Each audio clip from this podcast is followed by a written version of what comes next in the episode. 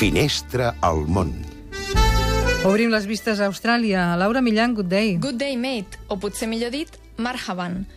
Anar als barris àrabs de Sydney és viatjar milers i milers de quilòmetres cap a l'oest, cap al vell mig d'Orient Mitjà. A pocs quilòmetres de distància de l'òpera de Sydney viuen centenars de milers de persones d'origen àrab. Alguns van arribar fa generacions. Al barri de Redfern hi ha el restaurant libanès més antic de la ciutat. El van obrir una parella de cristians libanesos a principis del segle XX, en plena febre minera.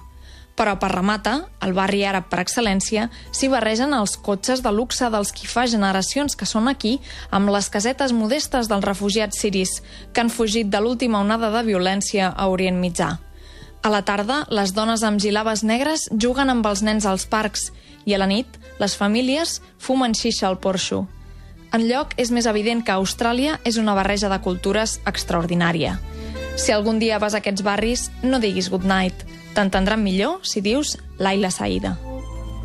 Gràcies, Laura Millan. I saludem per última vegada l'Anna Garcia des de Jerusalem. Bona nit, Anna. Hola, bona nit.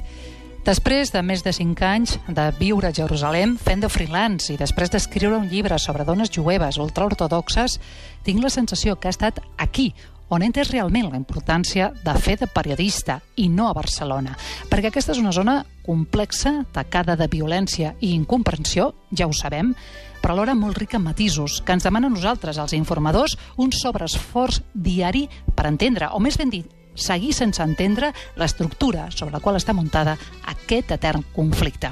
Avui, però, el context, després de la guerra de Gaza, del darrer estiu és malauradament pitjor que la Terra, que vaig trepitjar per primera vegada el 2009.